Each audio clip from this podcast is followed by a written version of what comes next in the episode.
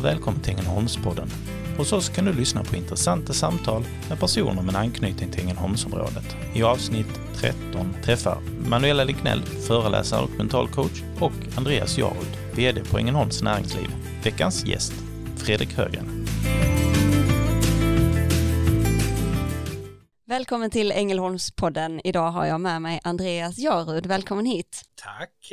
Dagens gäst är en spännande person. Han började sin karriär inom ekonomi för att sedan svira om till präst. Med stor passion för musik inspirerar han många och har en förmåga att trollbinda och beröra sin publik. Idag är han kyrkoherde i Svenska kyrkan här i Ängelholm och eh, varmt välkommen hit till Ängelholmspodden Fredrik Högren. Tack för det. Tack för de orden. Jag sitter här och blygs. Eh, kul att vara här. Otroligt det känns roligt. nästan som man skulle applådera efter en sån, men så får man lite sådär vibbar skolavslutning i kyrkan. Man får inte lov att applådera i kyrkan. Precis, Får hade, det? det får man. Det tycker jag absolut man får. Ja. Och eh, största bekräftelsen för det fick jag vid min prästvigning 2005 när liksom, eh, vi var 14 stycken som vigdes. Det var mycket folk i Storkyrkan i Stockholm. Och tusen pers eh, började applådera. Ja. Då, då var det liksom klart, det här var rätt. Det var rätt. Ja. Har det varit så att man inte fick lov att appl- Lite applådera av tradition, det ansågs liksom profant och lite för världsligt med applåder och sånt. Alltså det finns mycket outtalat i historien.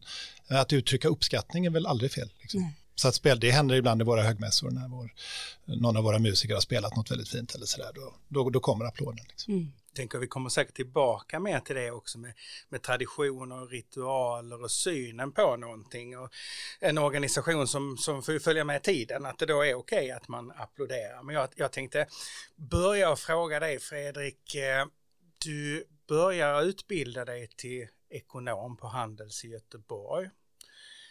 Jag tror till och med det var redovisningsekonom. Känns ju kanske inte som det mest outgoing yrket som finns. Det, det, men, men det kan ju låta stå för mig, jag ber om ursäkt alla redovisningsekonomer, ni är ju helt fantastiska, underbara människor. Eh, och du inleder en karriär kring detta också, men någonstans där så bestämmer du dig för att eh, byta bana. Är, är prästerskapet eller gudstron, är det något som har funnits med dig hela livet eller blev det en, en sån här uppbarelse, att liksom nu måste jag göra någonting annat? Ja, alltså ja, gudstron har funnits sedan jag var liten. Jag har ibland tänkt på när det började. Och jag minns någon gång när jag var väldigt liten, 6, 7, 8 år och stod under natthimlen liksom, och tittade upp. Och det blev väldigt tydligt, det var den här känslan, nej men det här är inte bara slump, det, här är, det finns ett sammanhang på något sätt. Jag kanske inte hade de orden som 6-7-åring, men jag, jag, det var den känslan. Och så kopplade jag tidigt ihop det med kyrkorum faktiskt. Jag, tyckte, jag har alltid tyckt om att besöka sådana, gå in i dem, sitta ner en stund och så. Och jag kopplade ganska tidigt ihop med, men det här, de här finns av samma anledning som den förundran jag känner liksom inför det stora på något sätt. Så den har alltid funnits. Att bli präst är ju är en helt annan sak, det behöver man ju inte vara. Det, det, det smög sig på i drygt, eller runt 30 var jag. Jag hade jobbat eh, ungefär 10 år i näringslivet och eh, det var jättespännande år på många sätt och sådär och lärde mig massor. Redovisning förut är fantastiskt kul, det är som att läsa korsord.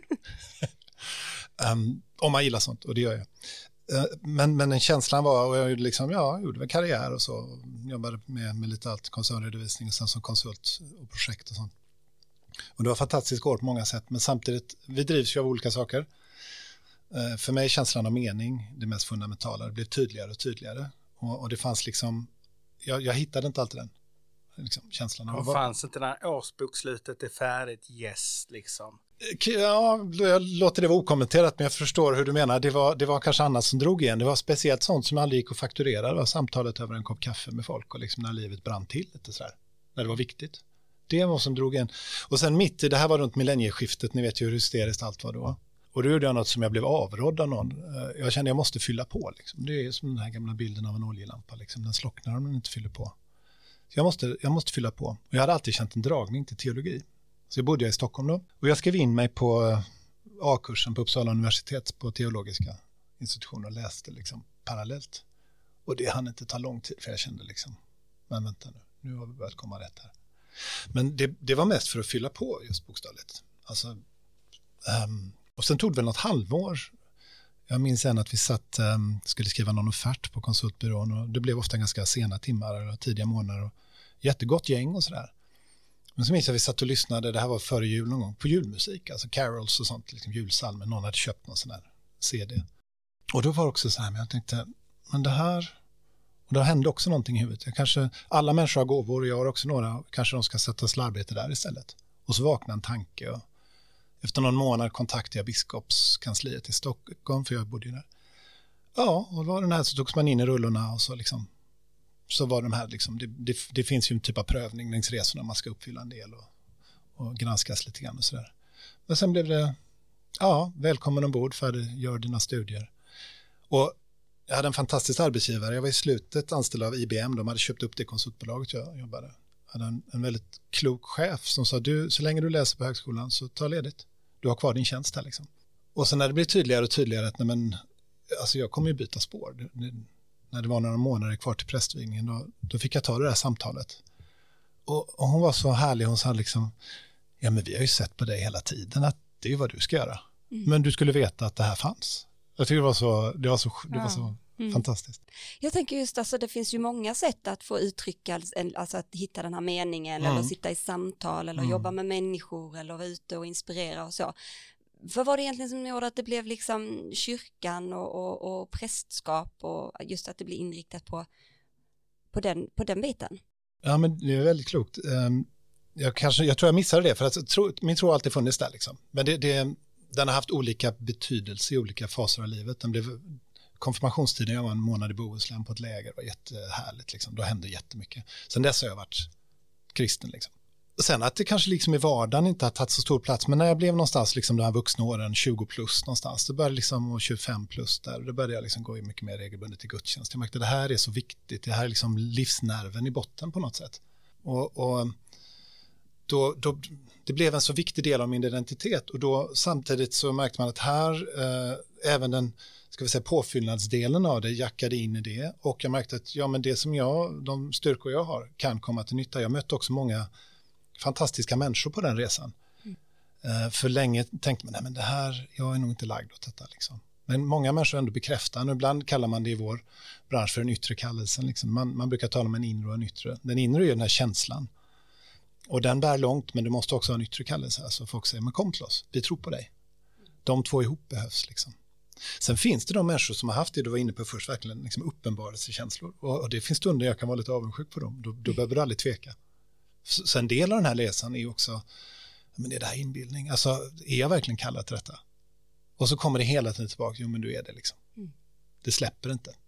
Så att det är den känslan mer. Det känns ju som att du är ganska akademiskt lagd. Eh, om man tittar på dina andra intressen och så också. Det, det är klart man kan ju studera eh, teologi utan att eh, bli prästvigd sen och liksom välja den. Du kunde blivit religionsvetare och fått kontakten med gymnasister och diskutera livets hemligheter och fantastiska saker med dem. Men, mm. men det var alltså, det, det, är den här kallelsen på något sätt att få predika eller för, för att liksom få ut eller är det människokontakten? Spännande frågor istället. Det, det är summan av dem. Alltså det, det växte fram under de här åren och det är tur. Det, man ska ju ibland med småbarnsföräldrar, det är tur att graviditeten är så lång så att man hinner vänja sig mm. vid tanken. Och prästutbildningen är lång också, man övar mycket, man praktiserar, man jobbar i församlingar och känner hela tiden på. Och det är hela tiden, det har, det har gett så mycket tillbaks. Och, och vad är det då? Ja, dels är det ju, ja, det är väl kanske två saker. Det är den mänskliga kontakten och att få jobb, alltså få få verka mitt i mysteriet. Alltså tron, fundamentet. Jag, för mig är inte liksom, tro har aldrig varit någon form av akademisk eller intellektuellt församtalande att, på något, utan det är, det är liksom jag, att leva mitt i det gudomliga på något sätt. På något sätt är allting besjälat av Gud, alltså Gud är vattnet, jag är fisken på något sätt. Alltså man lever, därför är det så att få då viga sitt liv åt det kändes uh, som en riktig ynnest. Och då är det ju att man ofta följer människor i uh, viktiga skeden i livet. Eh, naturligtvis det återkommande i gudstjänstlivet, men däremellan eh, naturligtvis när de har fått barn, när de vigs, vid begravningar eller andra tillfällen när folk söker upp en präst för samtal. Så det är en fantastisk gåva, eller nåd att få jobba med det om man är intresserad av människor och det råkar jag vara. Alltså jag var väldigt förväntansfull inför att träffa dig idag. Och tyckte det skulle bli jättespännande att få lov att, att lyssna på dig och din, din historia. Och för att det här med, med troende, icke troende och kyrkan och inte kyrkan och alla de här ritualerna som vi ändå liksom är uppfostrade i här i Sverige, det, det påverkar alla människor på olika sätt. Och jag minns ju att, att jag fick förmånen att lyssna på dig. Och, och det jag verkligen tog med mig därifrån det var liksom att jag, att jag ryckade till lite för att det var inte det här vanliga som jag hade förväntat mig utan du, du la eh, budskapet på ett annat sätt som, som berörde mig på, ett, på en helt annan nivå än när jag kanske har varit på en gudstjänst tidigare eller suttit och, och lyssnat på något, på något eh, inom kyrkan och därför var jag väldigt förväntansfull att få träffa dig. Men jag tänker, får, får jag backa bandet lite grann och tänka lite hur du, för jag vet att du är född i Göteborg och så, men är det, har det varit liksom en, en kristen uppfostran från början och hur, hur har liksom din... Nej, jag tror, eh, vi, vår familj var nog som väldigt många svenska familjer är, det föll sig ganska naturligt att man döps, eh, bra att konfirmeras, men i övrigt hade kyrkan liksom ingen plats i livet. Eh, så, eller alltså, om man gick på vigsel eller vid en begravning. Men det, det, var, så att jag var nog kanske lite rebell i uppväxtfamiljen, det var jag nog. Eh, det var inte helt friktionsfritt. Jag minns jag lånade hem barnens bibel från skolbiblioteket till lågstadiet och det var så där, vad ska du läsa den för? jo, tyckte jättemycket om den. Den var så där, jag minns precis, den var så där stor, vad blir det då, A3 upp. Ja. Den gjorde stort intryck. Men så det har det väl varit, det var lite så. Jag, har inte, jag kan inte säga att jag fått det med modersmjölken. Mm.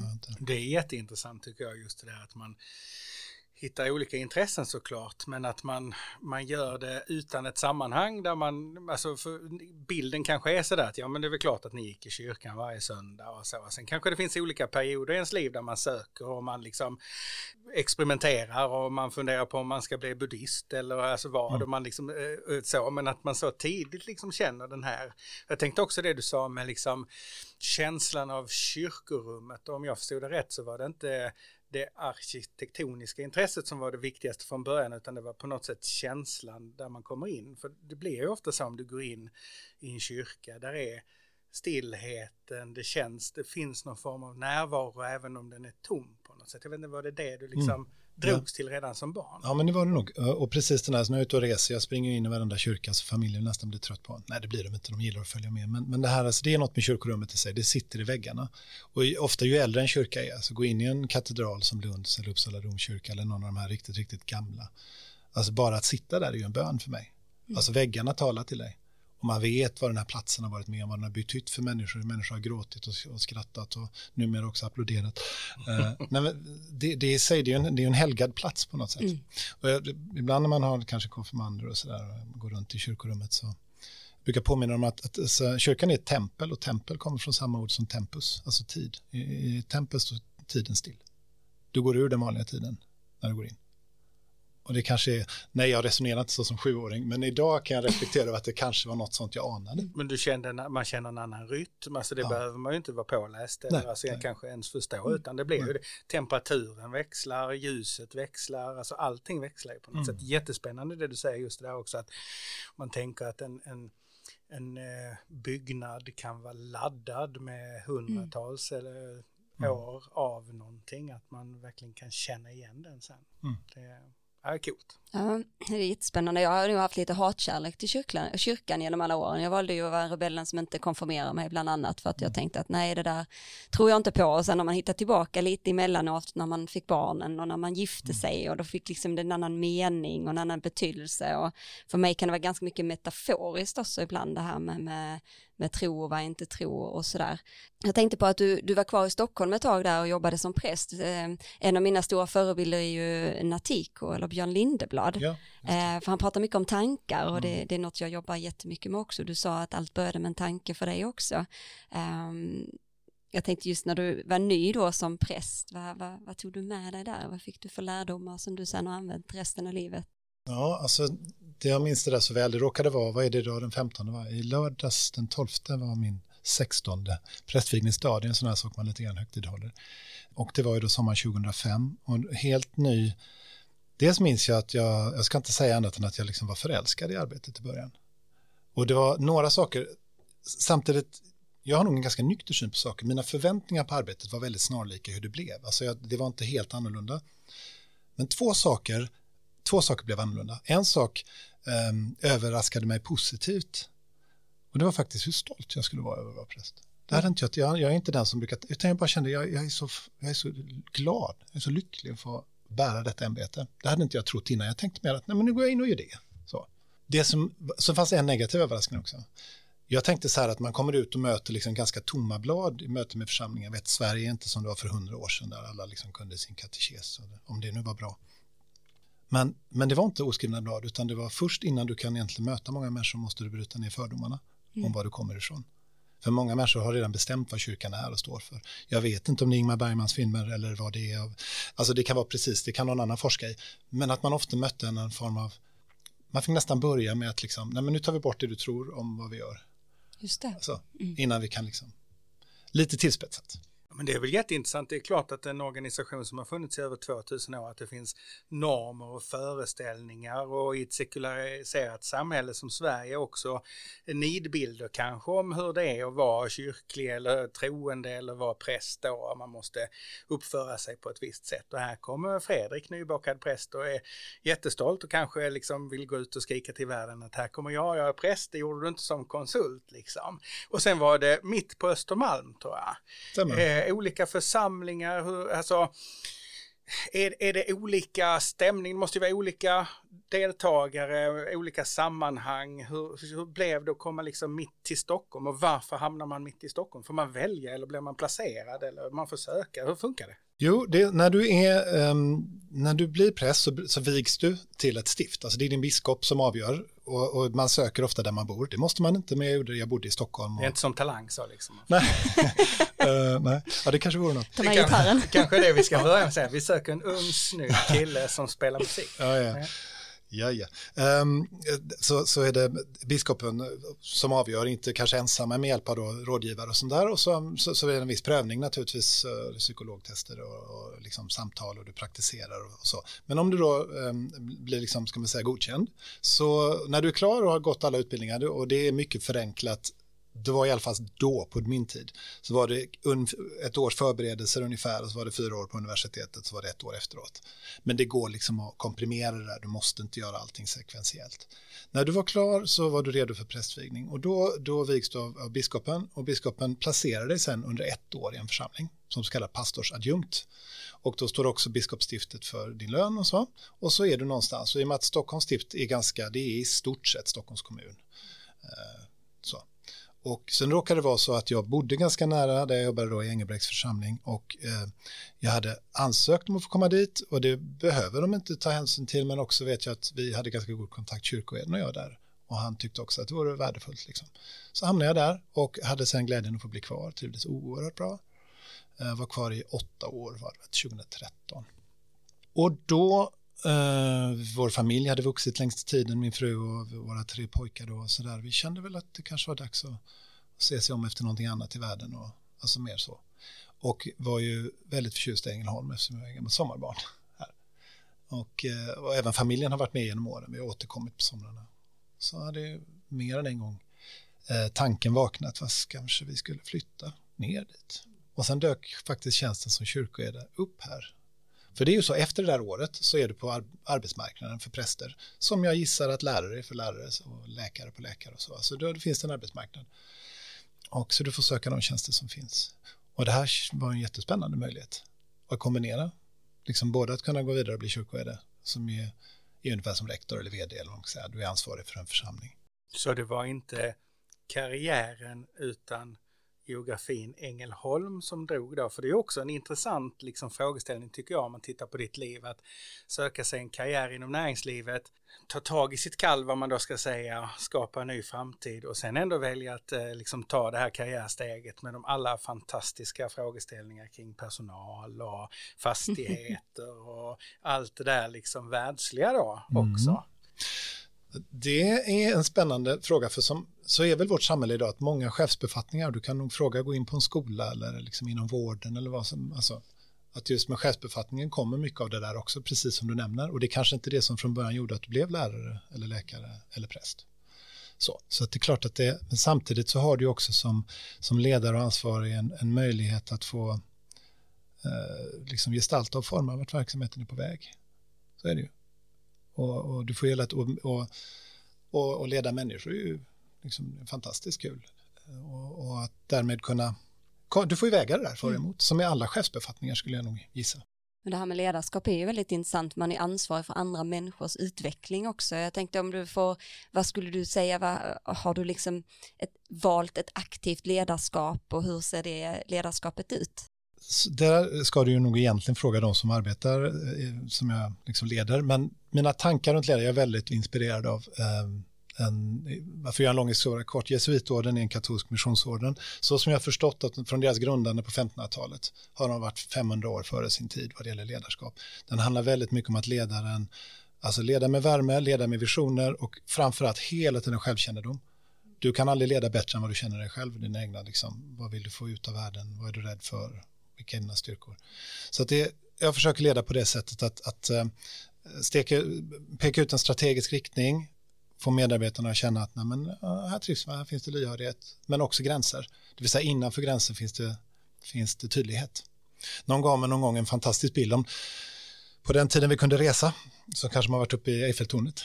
Mm. Och där längst upp är en utkiksplattform på 300 meters höjd, ish. Och det är ett stort staket längst ut. Och det gör att man vågar gå fram till staketet. Eh, men hade det inte varit någon staket hade man ju inte ens vågat gå ut. Och lite grann är det så med ledarskap, alltså gränser skapar frihet innanför.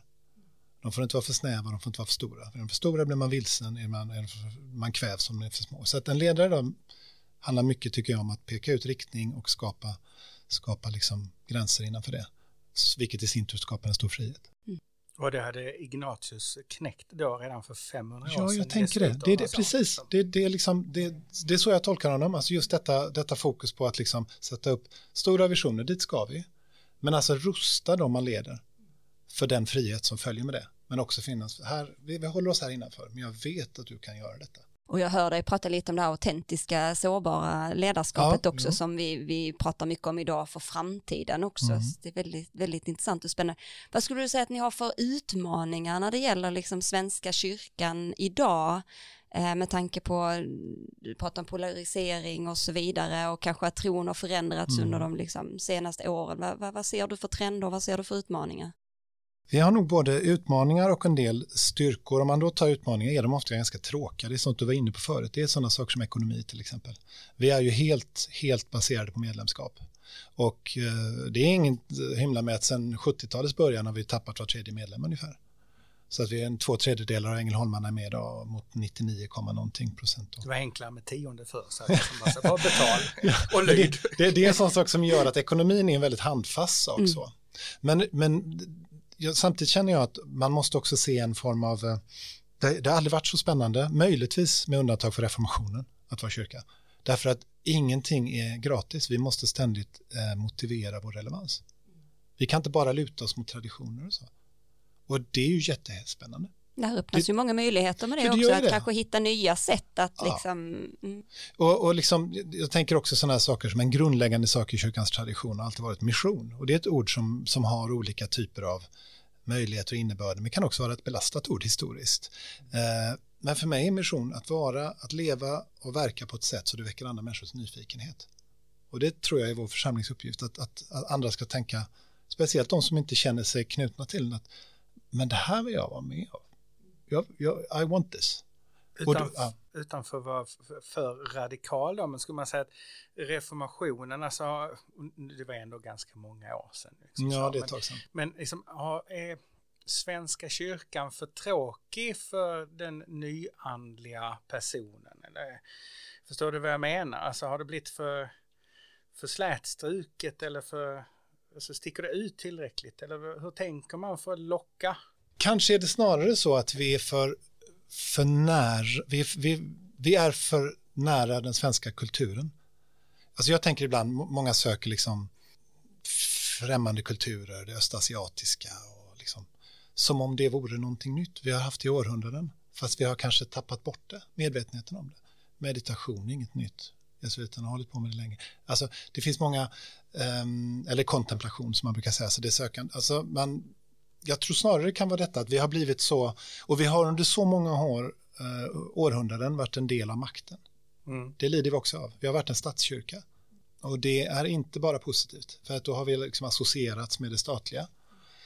Eh, det, Men har vi också avmystifierat då på något sätt? det har Alltså, vi också. Vi pratar inte så mycket i Sverige om den monastiska traditionen eller Nej. liksom meditation eller kontemplation eller Mm. det sättet. Utan vi, och jag menar sekulärt så kanske då en stor del av befolkningen också säger att ja, det var skolavslutning, för det verkar det knappt vara nu för tiden. Det är väl dop, bröllop, eh, Mm.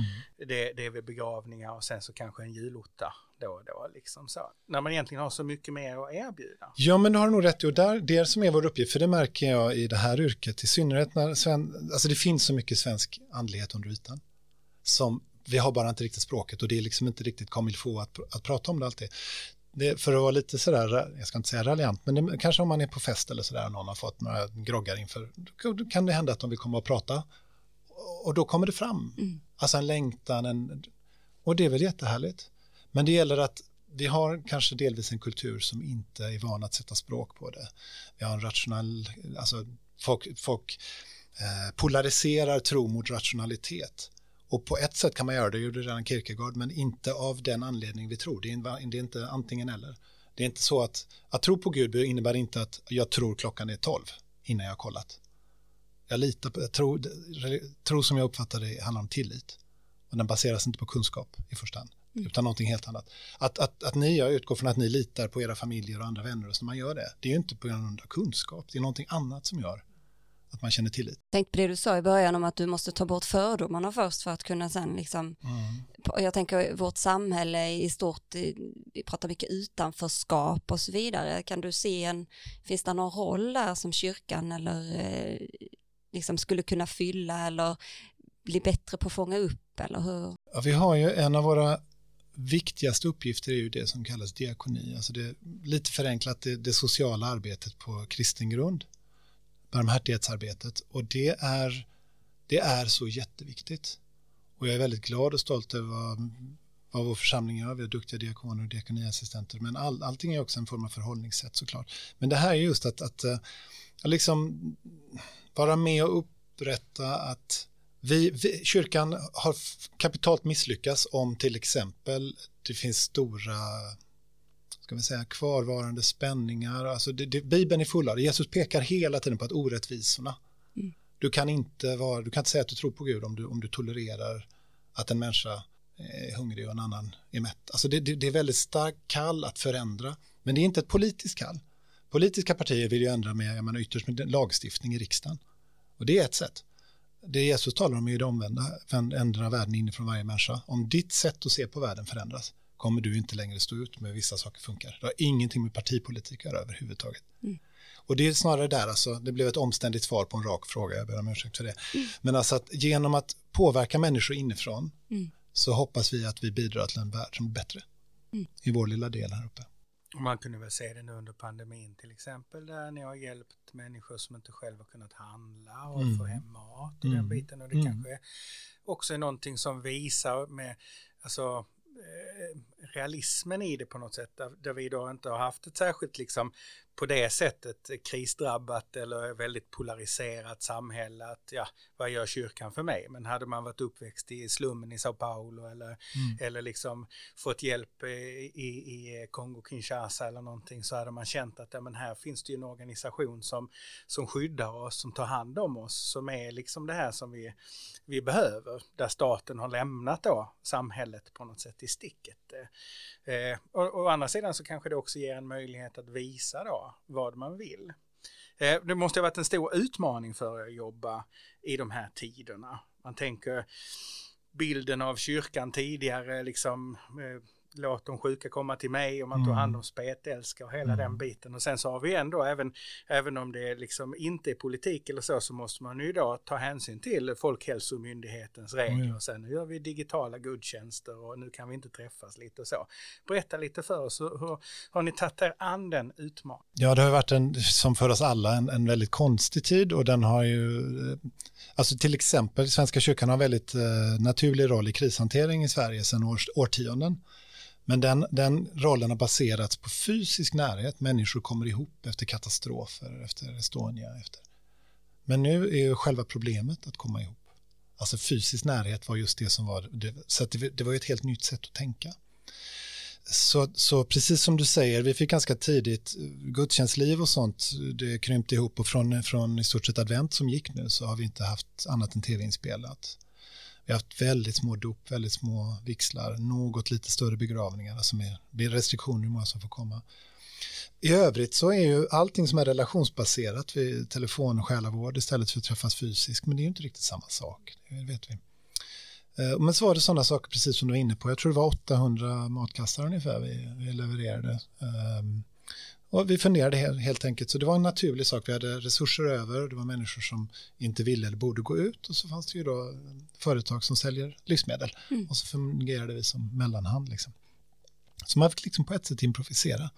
Nu håller vi på att öppna upp igen från första juni så att nu är det ju 50 personer igen både på gudstjänster och kyrkliga handlingar. Men jag har också hört att flera församlingar som har börjat sända ut digitalt har haft fler åhörare digitalt än vad man har haft liksom besökare i, i kyrkan. Är det någonting som har varit liknande här? Ja, vi har tittat på det och i vissa fall har det varit så. Och så samtidigt, vi, vi sitter och värderar riktigt hur vi, vi vill gå tillbaka till detta för att det som sker i rummet, den gemenskapen, går aldrig att eh, ta bort, eller förfela, så den, den går inte att ersätta. Det var det jag menade. Den går inte att ersätta. Och utan att på något sätt värdera då tv-mediet så, så blir du inte riktigt på samma sätt delaktig. Så att vi lutar nog, så som vi ser det just nu så går vi tillbaka till det levande liksom. Men du hade funkat som en amerikansk väckelsepastor eller så i tv, jag kan ja. se det framför mig. Någon sa ju det när de såg första tv-inspelade gudstjänsten, du vet att du är tv-predikant nu, ja tack. Ja. Sätt in pengarna på det här kontot bara. Ja. Jag tänkte på, du nämnde tidigare att du, du vill leda med visioner, eller att visioner mm. är väldigt viktigt. Vad, mm. vad, är, vad är din vision av framtiden? Jag, jag pratar egentligen med medarbetarna om tre visioner, eller en vision som består av tre delar. Det är att vår uppgift är att göra kristen tro viktig i människors liv. Mm. Inte att göra den känd, men göra den viktig. Mm. Det andra är att vi ska, vi ska vara stolta över att göra det och ha kul när vi gör det. För det är ett, det är ett jobb som tynger. Så är det. Och därför ska vi också, liksom, vi ska backa upp varandra. Liksom, vi, ska, vi ska kunna le när vi gör det. Inte varje dag, inte jämt, men ni vet, alltså, vi ska ha en sån anda. Och det tredje är att vi ska vara proffs. Liksom. Vi ska vara professionella i allt vi gör. Så de tre sakerna, men den stora visionen är sagt att göra kristen tro viktig i människors liv. Uh, och den kan låta ganska storslagen, men uh, jag kan inte nöja mig med mindre. Det är det mandat jag har fått med min prästvigning. Liksom. Att erbjuda, det händer, alltså, den typen av mission som jag pratade om menar jag är oerhört respektfull, det vill säga den handlar om att att, att, att vara, att verka på ett sätt det kan väcka människors uh, nyfikenhet. Det vill säga den är inte framfusig och påflugen. Är, är det annorlunda, upplever du att det är annorlunda att leda människor som fördom från mig kanske, men som då själva har liksom ett kall? än att, och det kanske man har som, eh, som ekonomisk konsult också i och för sig. Liksom. Men förstår du vad jag menar? Är det någon mm. skillnad att vara ledare i kyrkan jämfört med andra organisationer som du har verkat i? Ja, jag, jag, tycker det är det. Och det finns saker som både är, eh, vi har en del gratis som jag tror andra organisationer har svårare för och så har vi en del utmaningar som är större. Det vi har gratis, i grund och botten, människor är väldigt snarlika som är med liksom glädje och sorg. Alltså här. Men det som kanske sticker ut är att, som du sa, många människor känner en kall och en stark identifikation med kyrkan som arbetsplats eh, och kyrkans uppdrag framför allt. Det gör att motivation ofta blir lättare. Det är lättare, alltså du, du behöver inte lägga så mycket kraft på att motivera. Å andra sidan kan det också då bli ganska spretigt, för om man är eh, hypotetiskt då, vi är väl 45 i Ängelholms församling, jag menar inte det här rent konkret här, men om man tänker sig en hypotetisk församling i ungefär den storleken, så kan det ju bland dem finnas väldigt många olika bilder av vad det är vi ska förverkliga. Mm. Och då kan det bli lite spretigt, så då handlar ju styrningen mer, alltså, nu ska vi in åt det här hållet, liksom, att hålla ihop. Det kan nog kanske krävas mer än i andra organisationer. Och dessutom så har du en folkvald ledning. Det har jag också. Eh, genom kyrkovalen, precis. Och de, där heter det ju så att de, alltså kyrkorådet är vår styrelse. Eh, de styr och jag leder. Alltså det är ju så här, de talar egentligen om vart vi ska och så förverkligar jag det. Och det är ju väldigt likt egentligen hur ett aktiebolag fungerar med en styrelse och en verkställande mm. direktör. Det, det funkar bra. Och skillnaden var inte så gigantisk, men ändå. Nej, men det är, väldigt, det är ändå väldigt tydligt. Det är för att eh, alla strategiska beslut ligger på kyrkorådets roll. Och samtidigt har vi vår så kallade kyrkoordning som är vår lagbok. Mm alltså vad, vi, vad en församling ska göra, det är skrivet om inte i sten så åtminstone i kyrkoordningen. Eh, och sen vad innebär det i Ängelholms församling? Det bestämmer vårt kyrkoråd. Och sen där jag också är en av flera medlemmar eller med, ledamöter. Och sen blir det min uppgift att tillsammans med mina medarbetare då förverkliga det. Jag sitter här lite nyfiken om, om eh, du även har en personlig vision, alltså vision för dig och din familj eller ditt liv. Nu kommer jag låta väldigt råddig här. Vad det gäller, ja det har jag på ett sätt har jag det. Men samtidigt har jag inte målvision. Alltså jag, jag får gå tillbaka till det som Ignatius sa någon gång. Uppgiften med mitt liv är att ära Gud. Faktiskt. Och det, det innebär, eller uttrycka tacksamhet för att jag finns på ett sätt. Och rikta det mot omgivningen. Men det betyder inte, ofta är man i verksamhetsstyrning, pratar om visioner och sen kommer målen. Mål har jag nog inget, för det har jag lärt mig längs resan att om jag skulle säga om tio år ska jag jobba med det eller om åtta år ska jag uppnå det. Nej, men jag, jag funkar inte så, därför att det blir ofta att, att livet knackar på från en bakdörr och bara säger häng med här ett tag. Det har mm. varit så mycket så så jag märkt att det är, jag funkar mer att ha en öppen, öppen horisont framåt. Liksom. Jag förstår ju att man aldrig tar liksom och hänga upp gudstron på, på klädhängaren när man slutar jobbet. Men, men man kanske tar av sig liksom eh, mm. de kläder som är förknippade med sitt eh, yrke. Mm. Hur, hur blir privatpersonen Fredrik gentemot den professionella Fredrik? Kan du liksom koppla bort prästerskapet eller i familjelivet, på ICA Maxi. Och du bor ju också i stan. Mm, det blir väl ja. att du träffar kanske en del personer. Och du är så ganska det. lång så du syns ju också. Liksom, ja, det är svårt att gå limbo hela tiden ja. för att bli kom- Nej, men det är riktigt. Två meter lång. Um, det, det, är, eh, det finns många bottnar i den frågan. Dels måste man på ett sätt freda sig och bokstavligt talat att ta av presskläderna är en ganska bra ritualisering av det. Nu går jag ur tjänst, observera. Men präst är jag alltid. Prästlöftena gäller alltid. Skulle jag så sluta vara präst, tystnadsplikten den absoluta, den gäller livslångt och sådär. Så visst, det är så. Men tjänst är man inte jämt. Och det gäller mycket i det här yrket att lära sig hitta någon gräns mellan det som är personligt och privat. Man är exempel, man är och måste vara personlig i alla sina möten. I kyrkliga handlingar, i en begravning. Men släppa in det i det privata går inte. Därför då, då går du sönder till sist. Alltså du, du kan inte ta in som egen sorg varje gång du har en begravning. Det går inte. Mm. Däremot blir du uppriktigt berörd och samtidigt väldigt vackert att få vara nära människor i alla livets faser, även när det är riktigt tungt. Så det där är någonting man med, utvecklar och måste jobba på, det här med att göra skillnad mellan privat och personligt. Ja, förlåt mig. Ja, jo, men ja, mm. det är rent mm. privata som bara är, är mitt. Jag kan inte släppa in allt, det går inte. En del, det är klart att man är med om en del traumatiska saker i det här yrket också. Man kallas in i det med polisen eller efter olyckor och sådär. Men det, man, jag, jag antar att man, jag delar det med en del andra yrken som jobbar så. Man får hitta den gränsen. Eh, visst är man eh, en form av offentlig person. Eh, så. Det, så att gå på ICA kan också innebära att man hej hej och så. Men skulle det vara något så kan man ju också säga att ja, men kan inte vi ta det på måndag om det inte, eh, om det inte måste vara nu till exempel. Så. Jag tänker, får du någon så, eh, alltså man har som du har på dig idag, nu ser ju inte lyssnarna det, men den här svarta skjortan med det vita mm. där uppe liksom. Känner du att du blir bemött på ett annat sätt? Kanske är det så. Däremot, det finns ju en så fantastiskt rolig bara händelse. Eh, jag måste ta den. Jag var helt pressnyvig dagen efter, det var ju första gången jag bar detta. Och så hade vi haft lite kalas innan, så jag köpte lite vin och så. Men det blev så, vi köpte för mycket så jag skulle gå och sälja tillbaks till systemet. Och så gick jag pressklädd med liksom några bag-in-box för att sälja tillbaks och eh, då tittade de på mig, ja har du kvitto? Nej, och då fick jag den här blicken. Inte nog med att han försöker lura oss, han klär ut sig till präst också. Vad fantastiskt roligt. Så det fick vi ta hem dem igen, eh, men de har ju gått åt. Mm. Visst möter man det. Det enda det skojar vi ibland om i, i kåren, så här liksom att eh, när man går över övergångsställe så här, då bromsar folk extra mycket. De vill liksom inte ha en präst på samvetet. Men annars ska jag tänka att i många andra länder eller ja. kanske också i liksom, eh, vad ska man säga, i fiction så är ju prästen kanske ofta lite så här, lite alkoholiserad och mm. lite, ja. lite en rolig person, en komisk eh, person eller så löser man eh, brott och, mm. och liksom, alltså det, det, finns ju så många roller i det också. Mm. Förutom den rent professionella rollen så tror jag att det finns så många föreställningar om hur man är som mm. präst. Hur, hur, möter du liksom folks eh, fördomar det, eller normen om dig? Det tror jag nog är bara vara en själv så får man utgå från att de kan värdera om det hemma. Men det är så. Men det, det, det jag tror det är nog det, det är det enklaste. Men en sak till till det du frågade förut, det här med um, hur det är att vara privat och inte, eh, och inte offentlig ibland. För att jag tror det var vår tidigare, någon av våra tidigare statsministrar som vid en intervju när han skulle avgå sa, hur ska det kännas att inte längre vara statsminister? Ja, det ska bli kul att få skämta igen.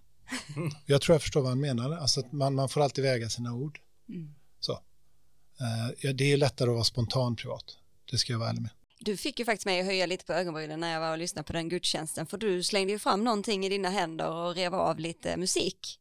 Ja, ja. Eh, och det här med musik är ju någonting som kan beröra väldigt många och eh, något jag inte visste som jag fick veta idag det är att du har eh, faktiskt skapat en, en gudstjänst, Walk the Line-mässan med Johnny Cash musik. Kan du inte berätta och dela med dig om den här? Jo, men det kan jag gärna göra. Den skrevs, den föddes, som många andra såg han av filmen Walk the Line någon gång 15, 20, 15 år sedan någonstans, blev väldigt berörd av den och, och upptäckte Johnny Cash musik och hela hans liv som är väldigt, eh, det framstår utifrån, jag kände ju honom naturligtvis inte, men både som eh, väldigt, på ett sätt tragiskt och samtidigt väldigt berörande. Eh, en troende, djupt troende man, en, en kämpe som hade det ibland rätt tufft, skrev fantastisk musik. Varje, varje sång är ju ett konstverk på något sätt, alltså det har ju så mycket att säga om livet. Berördes av det så märkte jag att men det här, hans kamp med livet tror jag många kan identifiera sig med. Och jag håller på en del och sjunga och spela och sådär och eh, lärde känna en kille som gjorde det bättre än jag och vi, vi märkte att vi har samma musiksmak och kände inför detta. Så vi, vi skrev ihop den. Liksom. Och det är ju som en gudstjänst, som, som en gudstjänst är uppbyggda, fast det som är den bärande är ju hans musik, sex, sju låtar. Och däremellan, och den handlar ju egentligen om eh, kampen med mörkret i livet. Liksom. Mm. Uh, uttrycket walk the line handlar ju om, om alltså att hålla sig på rätt sida. Uh, jag tror det är hämtat från vet, när amerikansk polis ska kolla om någon kan köra eller inte. Du får gå på en linje, kan du, kan du inte gå på den så, så är du inte lämplig att köra bil. Och det har blivit en bild av det här att, liksom, att sköta sig på något sätt. Så, så den uh, har vi gjort några gånger runt om Stockholm och i Mellansverige, liksom neråt uh, Södertälje och ner i Sörmland. Och sen två gånger här i Ängelholm. Dels med Thomas som vi gjorde den med då när jag hade börjat här 2013. Och sen för snart två år sedan med Jonna Karlsson som är härifrån Ängelholm fantastisk sångerska.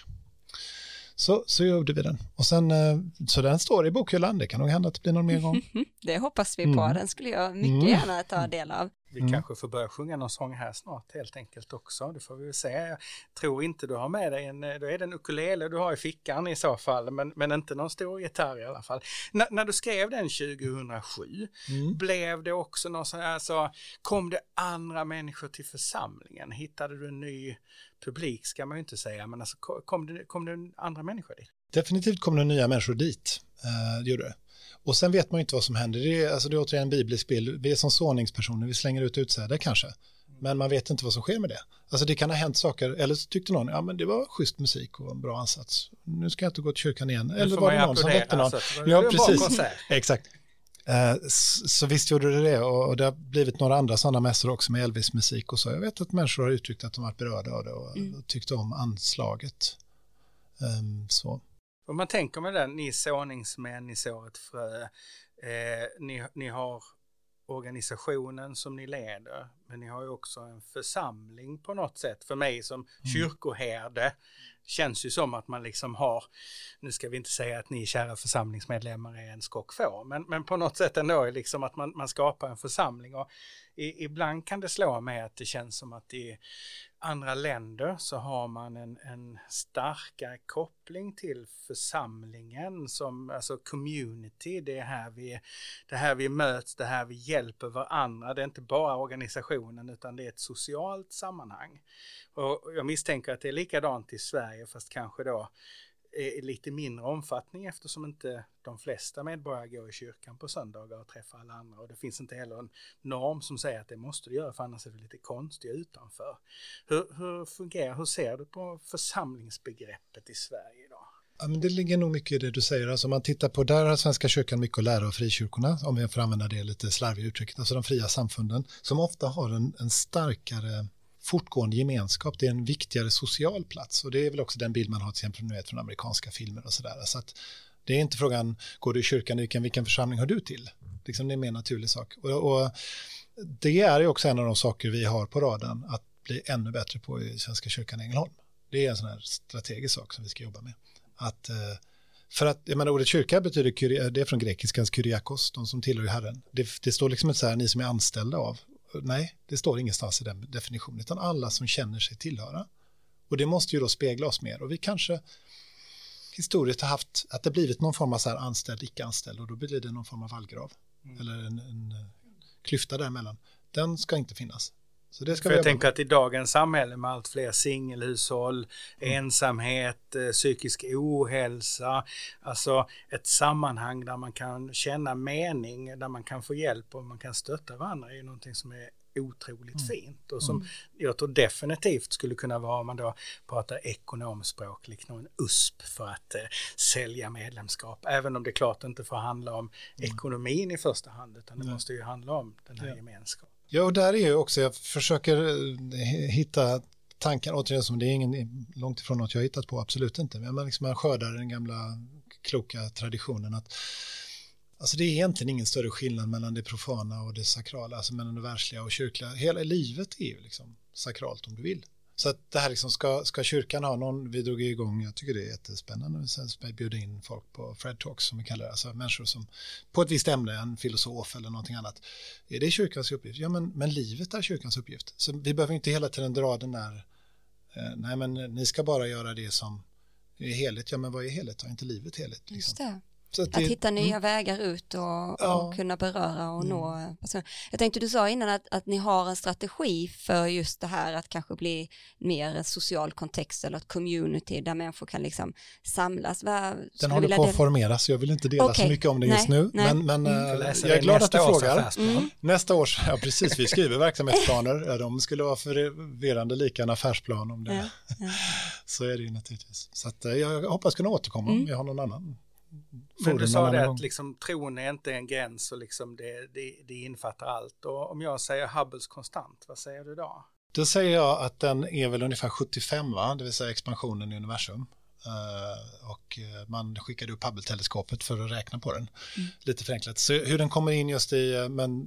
Nej, jag tänker du har ju ett akademiskt intresse för uh, rymden. Ja, det. och jag funderade på det liksom, att, att när man studerar saker akademiskt och sen samtidigt då eh, har den här starka tron på, på Gud och jag och Manuela vi pratade lite om detta innan, kan man liksom, hur särskiljer man det eller frångår man det säger att ja nej men eh, Gud skapade jorden och Adam och Eva eller är det bara en dåtida beskrivning av att han egentligen satte igång the big bang? Liksom. Mm. Hur ser du på, på mm. din känsla för rymden och den vetenskapliga dimensionen av ditt liv? Den, ni minns att jag sa det här, det började under stjärnhimlen och, mm. och sen fick det en ny förstärkning när jag gick i sexan. Det råkade, jag råkar minnas att det var den 19 oktober 1981. Det var på studiebesök i Slottsskogens observatorium i Göteborg och då uppkom en livslång förälskelse i astronomi. Så, mm. det var helt liksom blown off the carpet. och den har följt med så att eh, naturvetenskap har också varit en del, länge var tanken att jag skulle bli astronom. Jag bestämde mig i nian för att nej, efter att en klok lärare har sagt det, vill du, älskar du matte så mycket som kommer krävas för att jobba professionellt med astronomi? Bara, nej, jag är nog humanist. Vårdade då som en hobby. Och så blev du redovisningsekonom. Exakt, bara det. nej, men för att gå tillbaka till frågan, för mig är det liksom, eh, det är väl ungefär, att titta på universum naturvetenskapligt, det som se på ett konstverk, se på väl något, en van Gogh. Eh, och man vet att bakom, jag tolkar det som bakom detta finns det en konstnär. Och konstnären är en sak, Vincent van Gogh och hans liv och hans passioner och allt är en sak och tavlan är en annan. Eh, det är berikande att studera bägge. Alltså, min tro fördjupas av att studera astronomi och eh, inte egentligen utmanas utan för mig visar det liksom livets och universums komplexitet. Och det är bara, det får man att häpna på ett positivt sätt. För Förundras, det är till och med ett bättre ord. Alltså förundran, och förundran är någonting som är väldigt centralt i min tro också. Så att det är, wow. Man kan ju vara superintresserad av någonting och se alla program på Discovery eller så kan man gå på Stockholms universitet och läsa astronomi. Mm. Det känns som du har en dragning till det vetenskapliga och det akademiska eller det ständiga lärandet eller är det ett ständigt sökande eh, utöver tron? Det var en väldigt bra fråga. Det kanske är både och. För lärande är det absolut. Eh, jag älskar att fylla på har någon sån här liten eh, dröm om att bli en renässansmänniska, liksom allmänbildad i det mesta. För helt av den enkla anledningen att, att, att kunskap är så, det, det, det, nyfikenheten mm. vill hela tiden ha mer. Men är det en sökande? Ja, det är det nog. Nog. Men är kunskapen eller det är någon gång ett, ett motsatt förhållande till tron? Alltså, du försökte förklara det lite där innan, men jag tänker ibland så, eh, jag vet ju, jag är uppväxt med en, en av mina barn, barndomsvänner, de var väldigt troende och jag och mm. hon har haft extremt många diskussioner eh, på alla möjliga håll och kanter och hon, och, och, det som jag vet att vi diskuterar väldigt mycket, det var liksom, men tror du verkligen på allt som står i Bibeln? Och, mm. och, och liksom, men om det, om det nu finns dessa bevisen här och hur, alltså vi, vi liksom höll på rätt mycket med just de motsatsförhållandena där utan att landa i någonting. Jag tänkte du kanske har kommit. Ja, alltså det, det är en, det är en spännande och nästan evig fråga. Den har funnits sedan upplysningstiden minst hela tiden går att förena tro med den naturvetenskapliga landvinningarna, eh, rationalitetens framväxt, eller man har väl varit rationell förr också, men liksom den här att, att världen styrs ju av rationalitet och har ju för, liksom, eh, det ligger ett större före. Då, då, låt oss ta det här exemplet, för den är ju, den är väldigt klok. Bibeln är, man, jag får ibland den frågan om konfirmander och sådär, liksom. tror du på att som står i Bibeln? Hur långt är ett snöre? Alltså, det, Bibeln är inte en bok, det är 65-70 stycken. Skriven över tusen år med helt olika profil. Det finns poesi, det finns lagtext, det finns brev, det finns skildringar, det finns eh, liksom kärlekspoesi, det finns allt. Tror man på det då? Ja, på olika sätt. Karin Boye skriver det gör ont när knopparna brister. Är det sant? Jag har aldrig varit en knopp så jag vet inte. Men det säger någonting om livet som är jätteviktigt. Så det finns sådana delar av Bibeln som verkligen har något att säga om Bibeln, om mm. livet. Herren är min herde, ja det beskriver ett sätt att förhålla sig till Gud. Det finns andra delar som jag tror just är, ja men det här är mytiskt, Adam och Eva är nog så, så gott vi kom då. I förståelsen idag vet vi att världen blir till på ett annat sätt. Mm. Betyder det att den berättelsen inte har något att säga oss? Det har den definitivt. Jag menar, ordet Adam och Eva betyder människa och liv på hebreiska. Det är kanske berättelsen om människans liv, att kasta, känna sig utkastad ur en perfekt tillvaro. Den har absolut något att säga till oss. Andra grejer, och då bör man närma sig sånt som Jesus och miraklerna. Jo, om man tror som jag att bakom Big Bang finns en konstnär som, som gör något så komplext som universum, då är det ju inga större problem att låta Jesus gå på havet eller sjön om han vill. Det är inte det besvärliga för mig. Jag kan tro på det mm. och jag gör det också. Mm, det är spännande att fråga varför gjorde han det. Det är det spännande för mig. Mm. Vad ville han ha sagt? Ja, kan det vara så enkelt att han ställde sig på vatten som var den tidens symbol för kaos? Ja, det var. Kaos var vatten. Det hade, kunde skölja över oss och dränka oss och sånt. Han står och predikar och säger med mig omkring behöver ni inte vara oroliga för kaos och sen går och ställer sig på det. Alltså det finns pedagogiska mm. hänsyn att ta. Så så ser jag på det. Jag skulle nog beskriva mig som en väldigt rationell människa överlag, men för mig är det ingen motsättning mellan det. Andra kan tycka annorlunda. Och i olika kulturer så kan det också vara, alltså det finns ju många nobelpristagare som har en gudstro. Mm. Eller så är det bara någonting man säger, kanske för att Nej, det, det förväntas att man har det också så att säga. Det gör det, och inte minst historiskt och, och så. Ofta kosmologin, alltså nu ett universum på de stora sammanhangen, det börjar ju till sist närma sig något som är filosofi eller eh, metafysiskt och till sist där någonstans hägrar ju även religionens Mm. Men jag brukar tänka för att väldigt förenkla det, alltså att om, om naturvetenskap handlar om, eller om, om hur och vad, liksom, hur ser universum ut, varför, eller förlåt, hur och vad, så är religionen varför. Alltså det är mening, religion handlar om meningsfrågor och det är helt bortanför naturvetenskapens domäner. Det är inte, jag, jag tror inte det är särskilt eh, klokt och inom naturvetenskap ställa en fråga om är det här meningsfullt? Men det är inte det det handlar om. Det handlar om att beskriva och förstå och det är fantastiskt. Naturvetenskapen har fört oss jättelångt. Och jag lyfter på hatten och det hissnar och jag vill gärna vara del av att ta till mig vad den lär ut. Men jag vänder mig inte dit för att få mening. Mm. Jag vänder mig någon annanstans. Och på samma sätt ska religionen hålla sig borta från förklaringarna hur, hur menar jag, mm. hur universum blev till.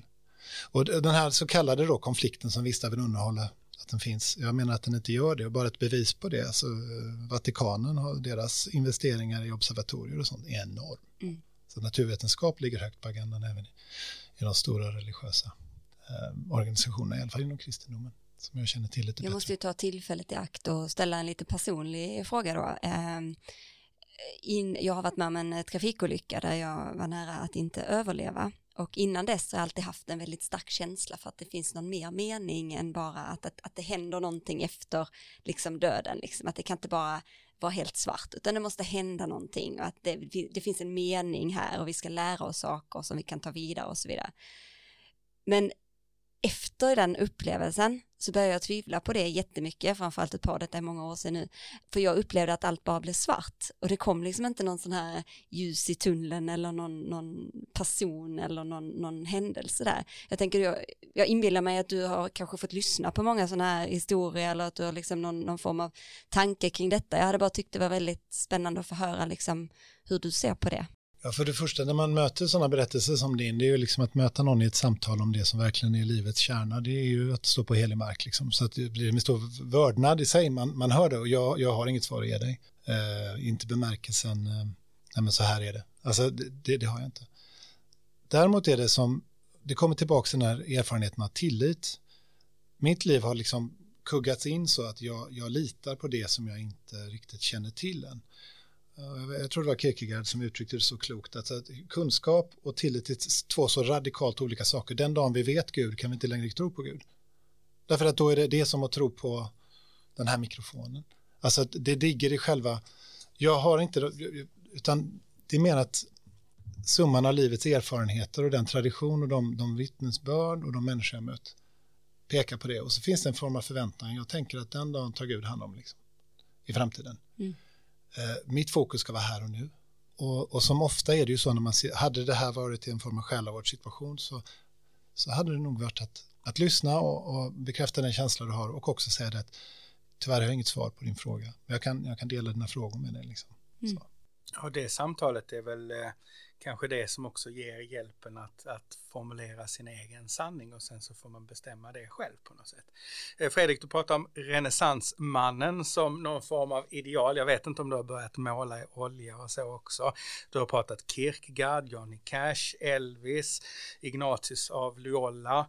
Eh, har du andra liksom sådana här. Jag såg att du, ett par gånger har du varit på konsert i Sverige och lyssnat på Lasse Winnerbäck. Den, mm. den blev jag lite så, åh Fredrik och Lasse. Jag... Ja, jag kan ju inte säga att jag är sådär Lasse med honom, men jag förstår vad du menar. Han, ja, det finns, kanske är han, nu har jag inte tänkt efter det här, men lite av en svensk cash. Alltså det, det finns ett, en, ett vemod i hans musik. Jag blev väldigt berörd av hans texter. Och jag tycker om ofta de här liksom ganska enkla, eller jag ska inte säga enkla, men liksom gitarr och ett bra budskap och en, en röst, röst som berör. Så honom gillar jag. Mm. Lars, när du lyssnar på det här så som sagt Fredrik kan kompa lite då. Ja, precis. Är ingen som du vill lira ihop. Enkla musik så kan vi hjälpa dig med det. ja, det kom ut fel. vi har tysthetsplikt ja. även i den här podden och alla ja. ni lyssnare nu, tänk nu på att när ni har lyssnat på det här avsnittet så måste ni glömma allt igen. Mm. Men, men, eh, men ja. är det, det är du, det är inte din fru, det är du, för det känns ju som en sån här klassisk 50-årsman som lyssnar på Lars Winnerbäck. Jag får inte lov att lyssna på det hemma för min fru med det man börjar bara gråta när man lyssnar på ja, det. nej men eh, min fru Anneli hon är också glad i, absolut. Det är, så vi har varit på några av hans konserter och eh, skulle på en nu förra sommaren som blev inställd till den här och som nu flyttas till nästa sommar på Sofiero. Så nu biljetterna gäller nästa sommar istället. Och sen skriver vi en Lars Winnerbäck-mässa kanske? Det är inte uteslutet, men då har vi det här med rättigheter och sånt. Men mm. Eh, ja, jag är mycket glad i hans musik. Du Fredrik, vi har lite stående inslag i Ängelholmspodden och eh, ett av dem är att våra gäster får ta med sig någonting eh, som betyder väldigt mycket för dem. Så att, eh, jag är så nyfiken på vad du har valt att ta med dig till eh, Då får jag vända mig om här. Mm. Ja, vi, nu reser sig Fredrik upp i sin resliga ställning. Eh, 2-0. 2, ja. vad är du? Nej, två jämnt faktiskt. Två jämnt, Eller 1,99,5. Faktiskt lite mindre än vad jag trodde då. Den här, det är en ståla. Och vad är en ståla för något? Det är ett liturgiskt plagg som man har som präst i kyrkan och eh, som ska symbolisera ett ok. Man hänger över axlarna, eller över nacken så, här, så det blir över axlarna. Kristi ok. Eh, just den här har min fru eh, broderat till mig till min prästvigning. Och jag tycker det var så otroligt rart, all den omsorg och kärlek hon la in i detta. Eh, och symbolerna är ju hämtade ur både den kristna traditionen men också ur... Kan du inte berätta eh, några, alltså bara, ja, vi, vi, kommer att ta en bild såklart och lägga ut ja. Eh, om, om det är okej för dig Fredrik, men du kan väl bara ta några symboler och bara berätta? Absolut, korset här som är i nacken är tror jag ganska självförklarande. Månen och solen, ja det vill säga att vi människor är väl på något sätt, eh, vi lyser inte själva utan vi ska återspegla liksom, Guds ljus. Eh, Fisken är en gammal kristen symbol, eh, lejonet av Juda likadant. Om ni tycker det är likt Göteborgs stadsvapen så är det inte en slump. Nej. Nej, för där råkar man vara ifrån. Eh, duvan är hoppets symbol och eh, kompassrosen det här att eh, navigera i livet. För det är det man gör. Och hon, hon hade ju levt ihop med en man. Hon uttryckte någon gång att hon blev kär i en konsult och blev, var gift med en präst. Det var ju också en resa. Sen har vi egentligen eh, budorden, alltså lag och evangelium, klassiska alltså, eh, tankar. Det här är bibelcitatet, Johannes 13.34. Det är där Jesus säger älska varandra så ska alla se att ni är mina lärjungar. Fantastiskt. Och sen har vi sakramenten egentligen här, dopet och nattvarden och nattvardsvinet och bibeln. Och sen nederst har vi eh, törnekronan och segerkransen. Det är någonstans i det spänningsfältet vi lever i som människor, mellan eh, mm. djupaste mörker och största ljus. Liksom. Mm. Så den broderade hon till mig. Jag tycker det var så rart och den betyder mycket för mig och den har jag vid utvalda tillfällen. Jag vill inte slita. Nej. Får vi säga det Anneli när du lyssnar på detta, du är ju en fantastiskt duktig konstnär där. Fortsätt mm. med att brodera om du inte gör det mm. redan nu. Det mm. var otroligt vackert. Och den här kompassen gillar jag väldigt mycket för att eh, Eh, jag pratar mycket om att navigera i osäkerhet och att det kommer bli viktigare och viktigare att förstå eller hitta verktyg för att kunna göra det. Och också det som du har pratat jättemycket om att hitta en mening. Jag träffar många människor som idag, lite på grund av corona kanske har kommit fram till att men vad har mitt liv för mening och vad är det jag gör, vad, vad ger det för mening? Jag vill, jag vill ha ett mer meningsfullt uppdrag i livet och så vidare. Så det, tar jag verkligen med mig där, därifrån. Eh, tack så mycket Fredrik för att du delar med dig av den personliga mm. saken till oss. Du ska också få dra en liten lapp i den här fantastiskt fina skålen som vi har framför oss här. Eh, det är så att alla våra gäster får skicka med en fråga vidare. Så du ska få läsa frågan och sen eh, svara på den efter bästa förmåga. Nu ska vi se här. Vem har betytt mest för dig i din uppväxt? Oj. Ja du, det är ju så, alltså det måste ju vara mor och far, uh, tänker jag. Uh, jag kan inte, ja så blir det ju. Det Vill du utveckla lite, vad, vad, vad är det som gör att det är Alltså de, de formar ju en och de ger en ramar och trygghet och kärlek så att jag, jag kan liksom inte, men låt mig ta, vi, min far gick ur tiden för två år sedan och mamma är, är, är kvar, hon kommer hit i sommar och så där, ska bli jättegott, men, men pappa gick ur tiden och jag minns när eh, min syster och jag eh, satt och pratade om honom inför hans begravning. Och så där. Vi sa att det, det, så är det med pappa, det är svårt att hänga upp det på konkreta minnen, det är mer en underbart god känsla. Och det, där någonstans, alltså en känsla måste ju spegla någonting så.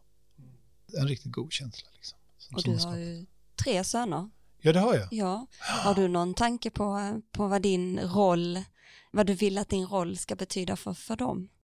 Jag hoppas hoppas att de, men man har ju de fel och brister som alla föräldrar har eh, och människor, men jag hoppas att de känner att, att man älskar dem djupt och vill inspirera dem till exempel till sånt som att vara nyfikna och söka kunskap, för världen är så full av saker att upptäcka. Mm.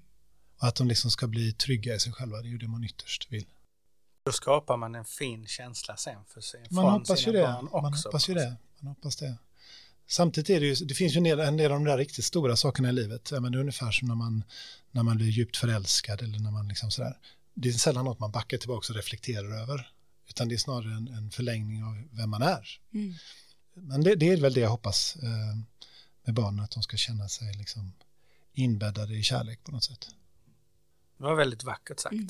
Inbäddade, bombarderade med kärlek. Ja. Är det inte Astrid Lindgren som har ett uttryck som handlar just om det? Ja. Bara ge kärlek och kärlek så kommer folkvettet mm. till sist. Ja, men där någonstans är det.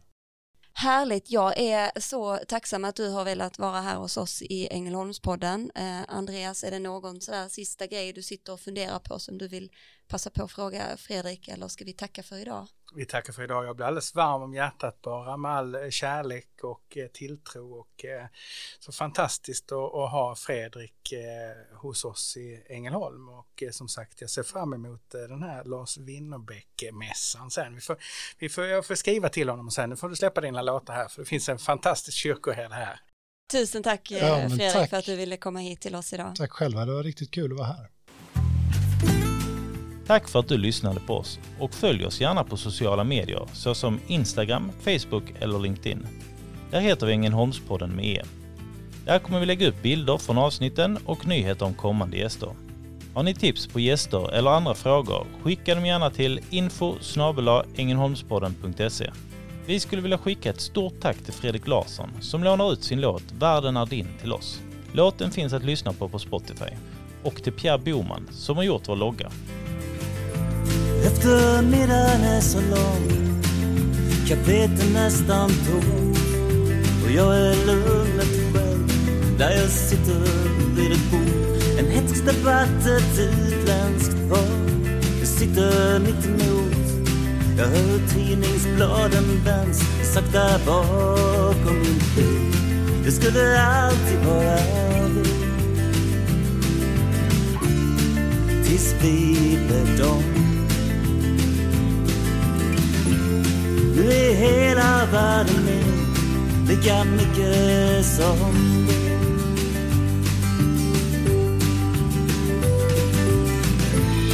Och en livstid passerar ett andetag långt En klocka tickar ner, en man stänger sin dörr Och jag läser några rader tyst för mig själv En biograf av Felicia Fält Hennes livs med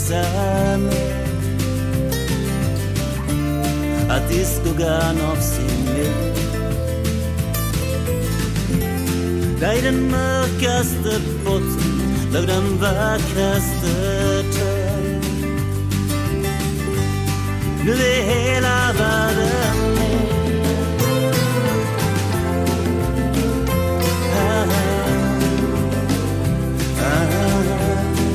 can make it so.